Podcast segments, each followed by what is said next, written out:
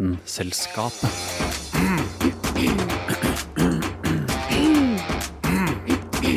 Vitenselskapet. Øyne som stirrer. En kameralinse som zoomer inn på motivet. En enslig dinosaur som leter etter mat. Alt dette krever fokus. Men hva skjer om man setter disse tingene sammen og fokuserer på øynene som distraherer tyver, og år som mangler sekunder?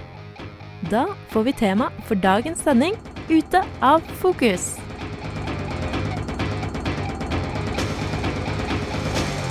Vitenselskapet. Fokus er ikke bare navnet på et nederlandsk progrockband fra 70-tallet. Det er også noe vi mennesker får mindre av. Ifølge en undersøkelse utført av Microsoft klarer i hvert fall vi mennesker nå å sammenhengende konsentrere oss i bare åtte sekunder. Det er ett sekund kortere enn gullfiskers konsentrasjonsevne. Studien konkluderer med at vi kan takke nedgangen i konsentrasjonsevne med økninga av digital tilstedeværelse. Så vi i Vitenselskapet velger naturligvis å skylde på smarttelefonene våre når vi nå lager en sending som er litt ute av fokus. Mitt navn er Hanne Grydland. Å vite vet Vitenselskapet.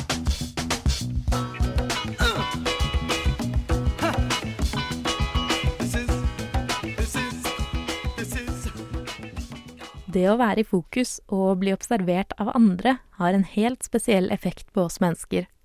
Men hva med blikk fra falske øyne? Trigger dette de samme følelsene i oss?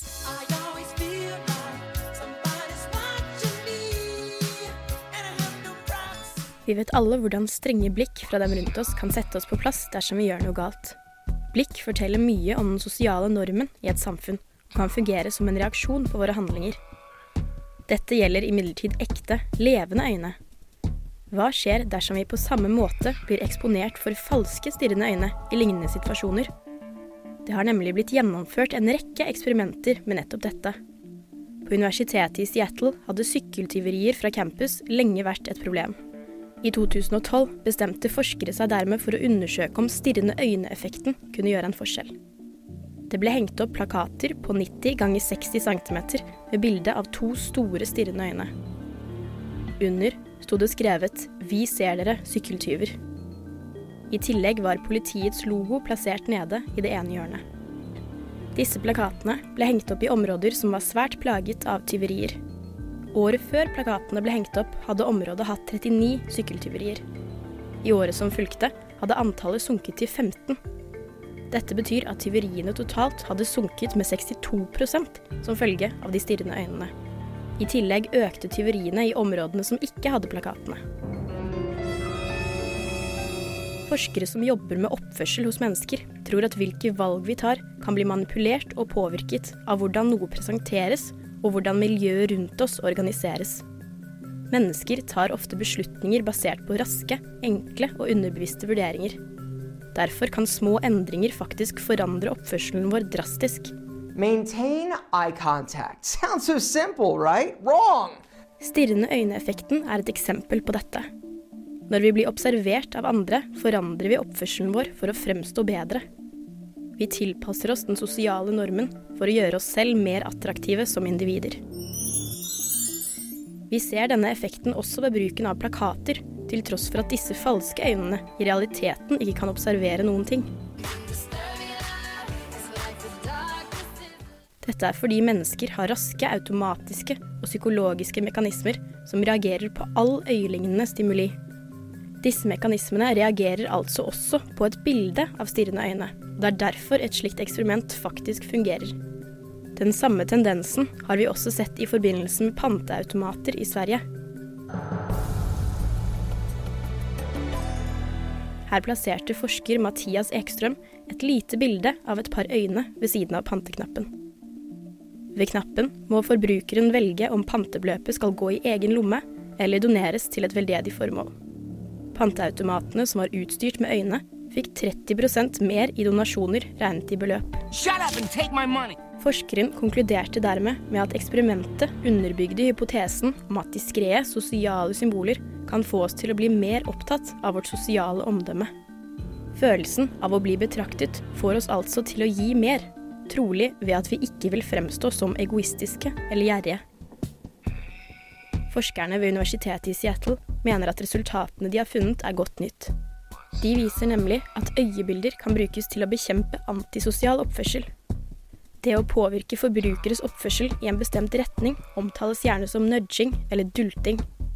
Dersom aktører tar i bruk dette i stor skala, vil imidlertid forbrukerne kunne bli vant til det. Dette igjen vil kunne svekke effekten. Så neste gang du ønsker å manipulere en venn eller venninne i en ønsket retning, send dem et blikk og kontroller deres avgjørelser. Dette innslaget er laget av Agnes Alstad Mokstad. Norge, til tross for å ha mange vakre fossiler, har ingen dinosaurfunn.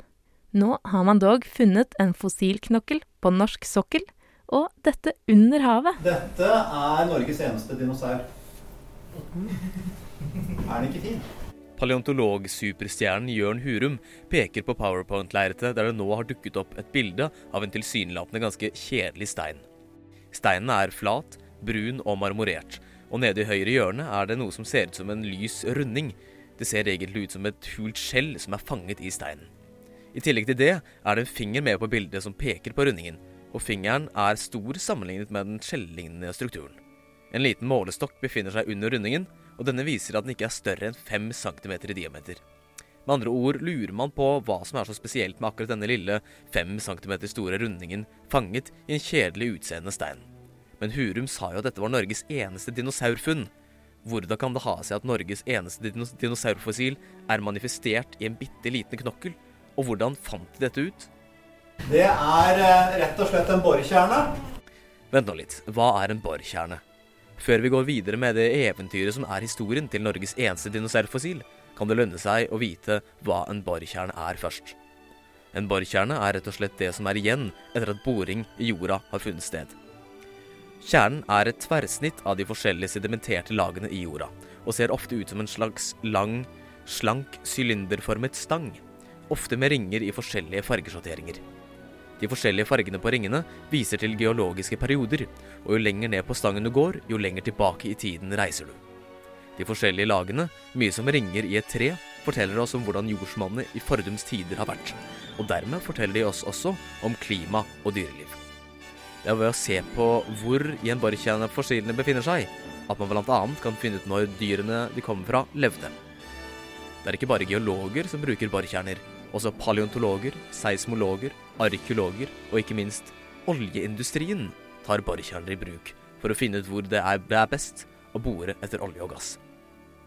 Vi må huske på at olje og gass en gang i tiden var levende substanser, akkurat som fossilene.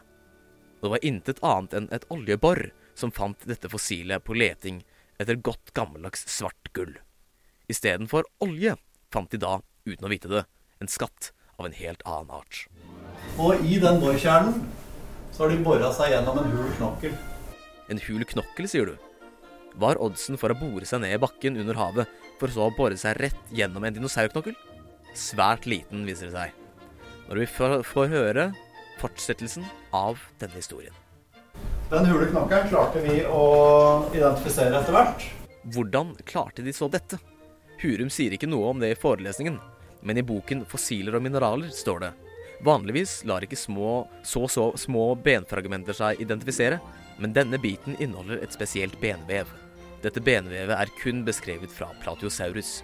Platiosaurus er ikke en hvilken som helst dinosaur, men en tidlig planteeter som levde for 205 millioner år siden, og som kunne bli hele ni meter lang. Forgjenger til de enorme langhalsene som senere skulle dukke opp. Det er jo kult, men hva er det som er så spesielt med selve fossilet? Og den er funnet på Snorrefeltet i Nordsjøen. Og det er den eneste knokkelen av en dinosaur fra Norge. So what? I tillegg så er den jo funnet 2256 meter under havbunnen. Så det gjør ikke bare at det er Norges eneste dinosaur, men det er verdens dypeste dinosaur. Så vi har altså da en bitte liten dinosaurknokkel fra en ni meter lang kjempe som levde for 205 millioner år siden. Funnet tilfeldig av norske oljeletere 2256 meter under havet. Det er ganske kult. Ikke veldig spennende sånn, men historien gjør den jo totalt unik. Og det er jo det med sånne at, at vi har så mange historier, og det er det vi har ønska å fortelle.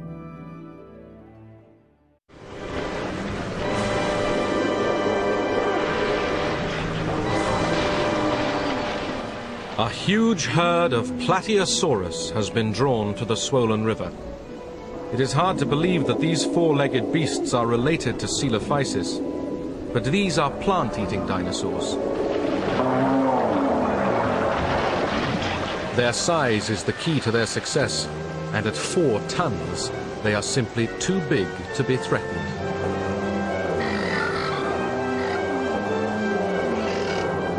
This is the shape of things to come.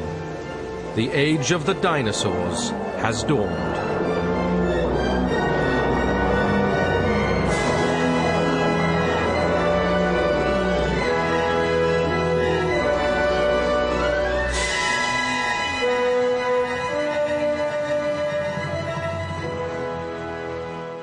Dinosaurnerden som har laget dette innslaget, heter Dag Dramer.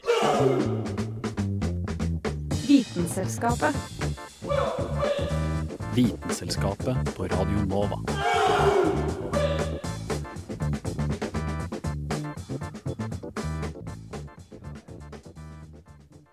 Tid er en fin konstant i hverdagen. Men hvor konstant er tidsregninga vår egentlig? Går den ut av fokus, som et dårlig kamera gjør etter hvert? Du veit nok at hvert år har 365 dager. Jeg håper nå iallfall det. Videre vet du nok at oss har et skuddår hvert fjerde år for å holde tritt med sola. Året er altså ikke perfekt når det kommer til å holde styr på tida. Vi må justere med en ekstra dag, siden året ikke har 365 dager, men 365,25. I alle fall nesten. OK, så vi har et forholdsvis velfungerende system for å holde orden på hva datoen er. Men hva klukka er, er enda enklere. Hver dag har 24 timer, hver time har 60 minutter, hvert minutt har 60 sekunder.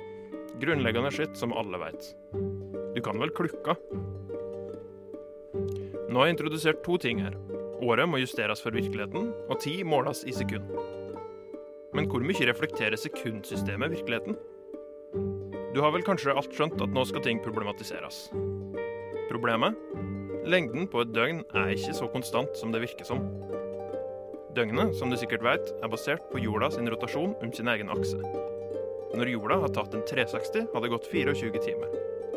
Som hovedregel. Fra en dag til den neste gjelder jo dette godt. Midt på natta er midt på natta. Midnatt er midnatt. Skal jeg komme til poenget snart? Jo, for det viser seg at rotasjonsfarten ikke er konstant. Et atomur som nøyaktig måler tida i sekunder og timer, vil etter hvert skli ut fra virkeligheten. Etter hvert vil klokka tolv midnatt ende opp midt på ljosedagen. Det er da ikke riktig. Derfor må vi justere ved å slenge inn et ekstra sekund en gang iblant. I fjor, 2015, ble det lagt til ett sekund den 30. juni.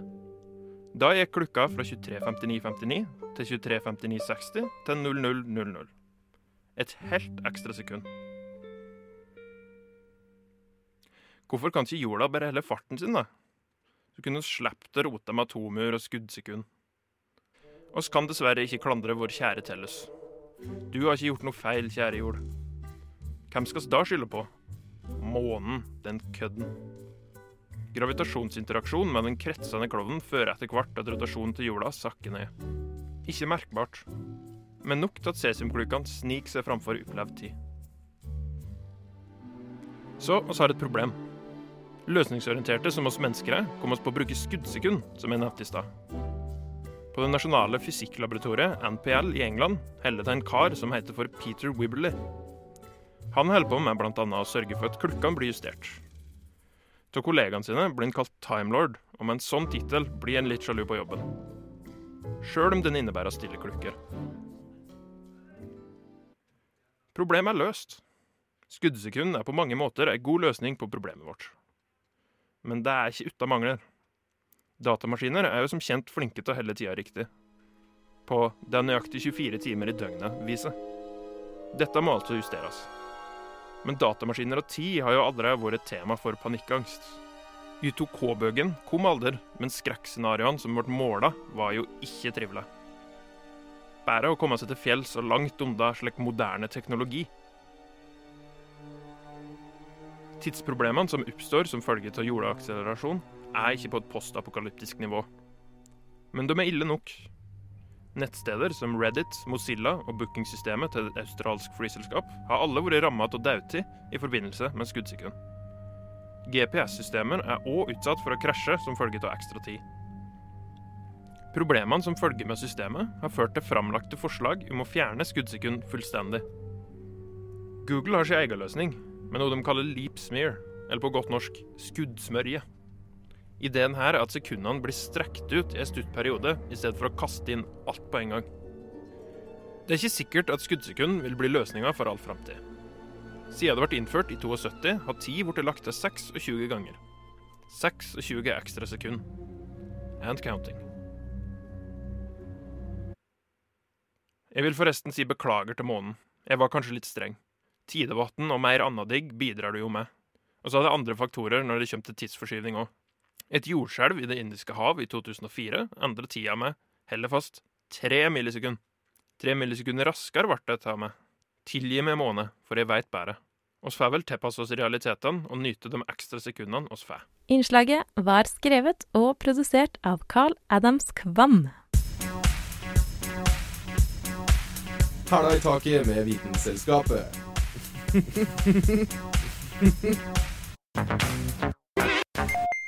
En torsdag i måneden arrangerer Institutt for biovitenskap en såkalt biotorsdag, med foredrag om ulike ting som har med biovitenskap å gjøre. Nå skal vi høre professor Stein Fredriksen fortelle om tareskog. Tareskogene er nemlig hjem for utallige sjøorganismer, men de blir også trua av en liten, piggete bolle. Tareskog vokser gjerne fra ca. overflata og ned til rundt 20-25 meter, litt avhengig av hvor man befinner seg. Og det er selvfølgelig lysbegrensningen som setter den nedre grensen.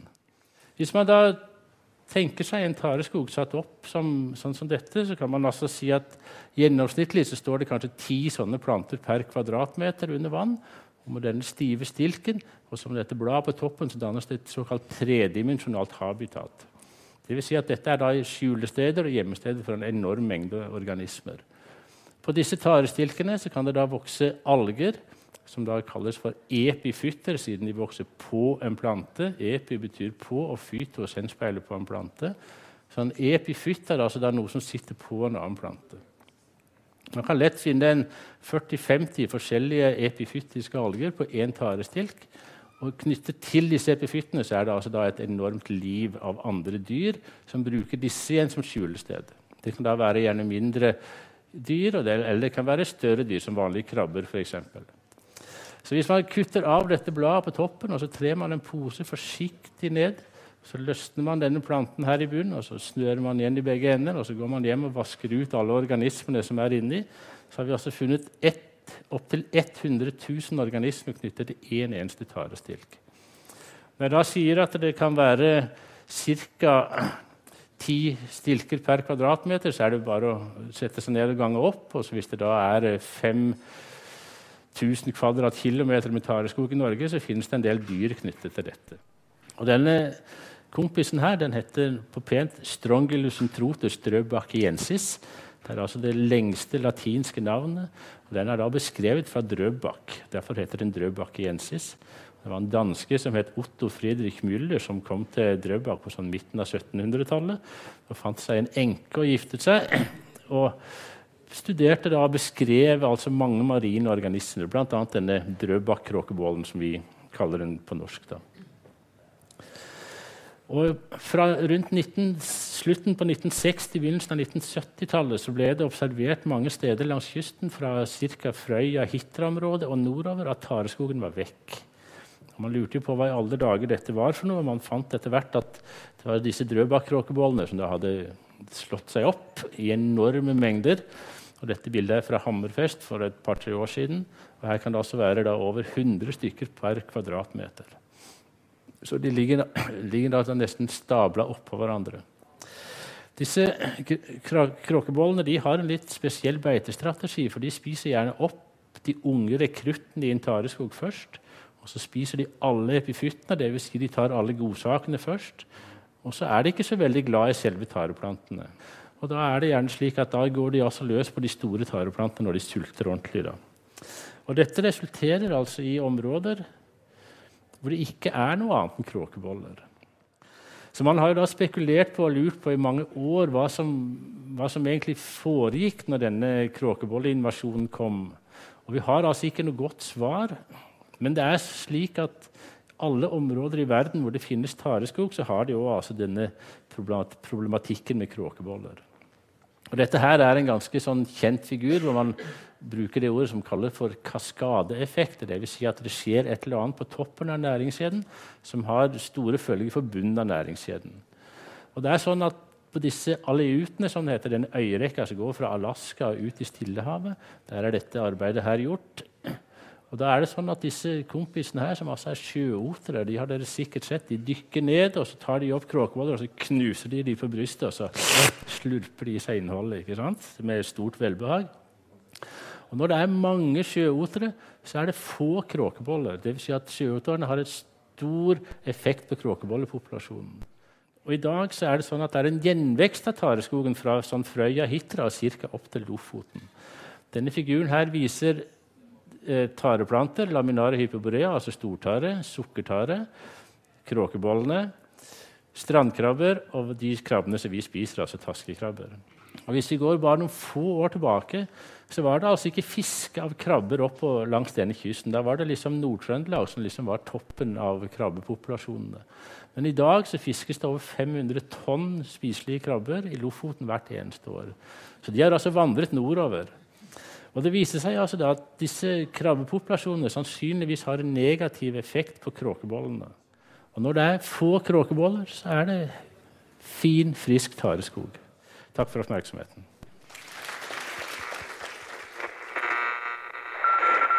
Vi avbryter den ordinære sendingen for å bringe deg verdens romsnytt.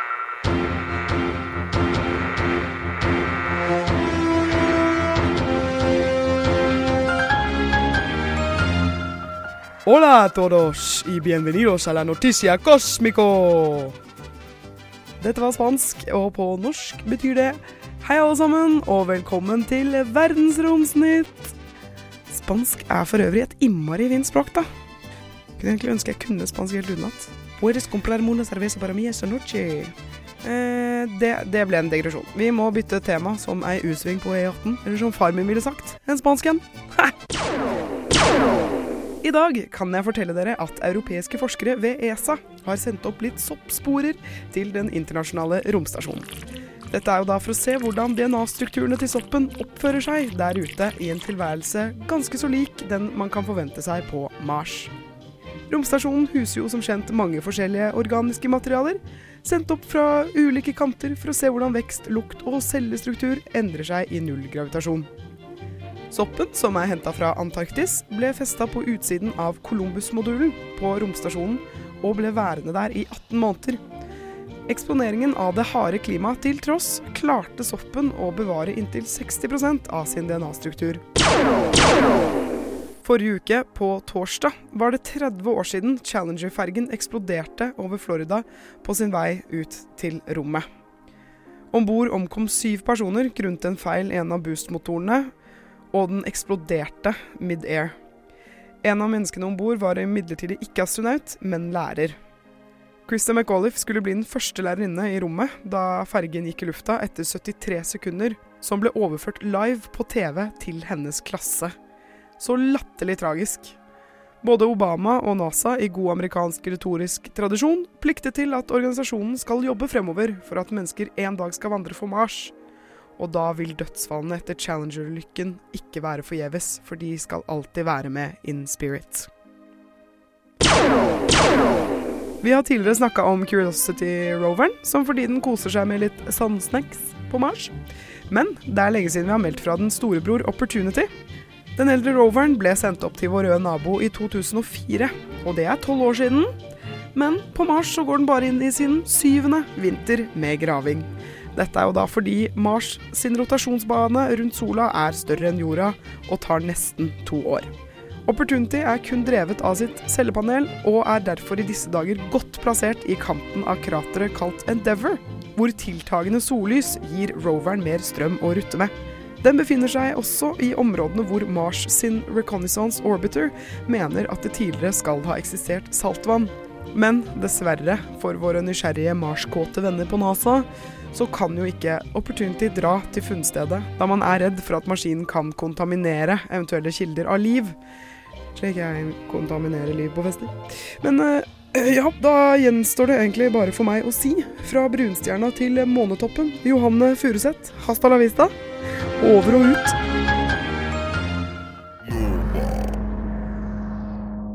Mange av oss knipser utallige bilder hver eneste dag. Hvilke oppfinnelser var det som lå til grunn for utviklinga av fotografiet? Det gikk lang tid fra prinsippet bak optikken oppsto, til det aller første stabile fotografiet ble knipset. Fotografiet bygger nemlig på flere ulike oppfinnelser. En av de viktigste oppfinnelsene er såkalte camera obscura, som betyr mørkekammer. Det optiske prinsippet bak denne innredningen ble beskrevet allerede 300 år før vår tidsregning av Aristoteles. Han så for seg at hvis man hadde et mørklagt rom med et lite hull i den ene veggen for å slippe inn dagslys, ville man kunne danne et opp-ned, omvendt bilde av omgivelsene utenfor kammeret. Gjennombruddet for mørkekammeret skjedde på 1500-1600-tallet, etter at ideen hadde blitt videreutviklet av flere ulike vitenskapsmenn. Man byttet ut lyshullet med en linse, noe som ga klarere og mer lyssterk avbildning, og i tillegg fant man ut at det gikk an å dirigere bildet til en egnet prosjeksjonsflate ved hjelp av et skråspeil. Man skapte altså et mørkekammer med speilrefleks, hvor man opphevet venstre-høyre-omvendingen av bildet. Kamera obscura kan sammenlignes med øyet. Det lille hullet tilsvarer pupillen, som slipper inn lys, og prosjeksjonsflaten tilsvarer netthinnen. Da man fant ut at prosjeksjonsflaten i et kamera obscura kunne byttes ut med et vokset, gjennomsiktig ark, kunne man stå utenfor mørkekammeret og tegne av direkte. Dette gjorde at oppfinnelsen ble populær hos malere, som da kunne skape malerier hvor perspektivet og størrelsesforholdet var mer nøyaktig gjengitt. Etter hvert som bruken av kamera obscura ble utbredt, utviklet man også transportable utgaver i ulike størrelser og modeller. Senere satte man også inn blendere i mørkekamrene, dvs. Si at man gjorde størrelsen på lysåpningen regulerbar. Blenderne i moderne kameraer har stor påvirkning på dybdeskarpheten i fotografiene. Steget fra kamera obscura til fotografering innebar at man måtte finne et stoff hvis utseendet varierte med hvorvidt det ble utsatt for lys eller ikke. Fotografi betyr nemlig lystegning, og går altså ut på å avbilde verden ved bruk av lyseksponering. Utfordringen for fotografering lå i å finne et materiale som både var påvirkelig av lys, men som samtidig var motstandsdyktig mot senere lyspåvirkning. På 1700-tallet begynte man å undersøke lysfølsomheten hos kjemiske stoffer, og man oppdaget at sølvsalter mørknet når de ble utsatt for lys. Man forsøkte så å lage kontaktkopier ved å f.eks. legge blomster utover et lysømfintlig underlag, og så utsette det for sollys. Men det var ikke før på 1800-tallet at man forsøkte å kombinere denne kunnskapen med et optisk apparat, som kamera obscura, for å skape et fotografi. I 1826 ble det aller første stabile fotografiet tatt av franskmannen Joseph Nicefor Niepce. Han fant ut at hvis man plasserte en bestemt type asfalt på en tinnplate, ville asfalten som ble utsatt for lys, bli herdet fast, mens det som ikke ble utsatt for lys, kunne vaskes bort. Han plasserte så en slik tinnplate med asfalt inni et mørkekammer, og eksponerte det for lys i hele åtte timer. Resultatet var et monokromatisk, eller ensfarget bilde i svart-hvitt. Verdens aller første stabile og permanente fotografi. Hun som hadde fordypa seg i fotografiets opprinnelse, het Lise Eide Risanger. Vitenselskapet.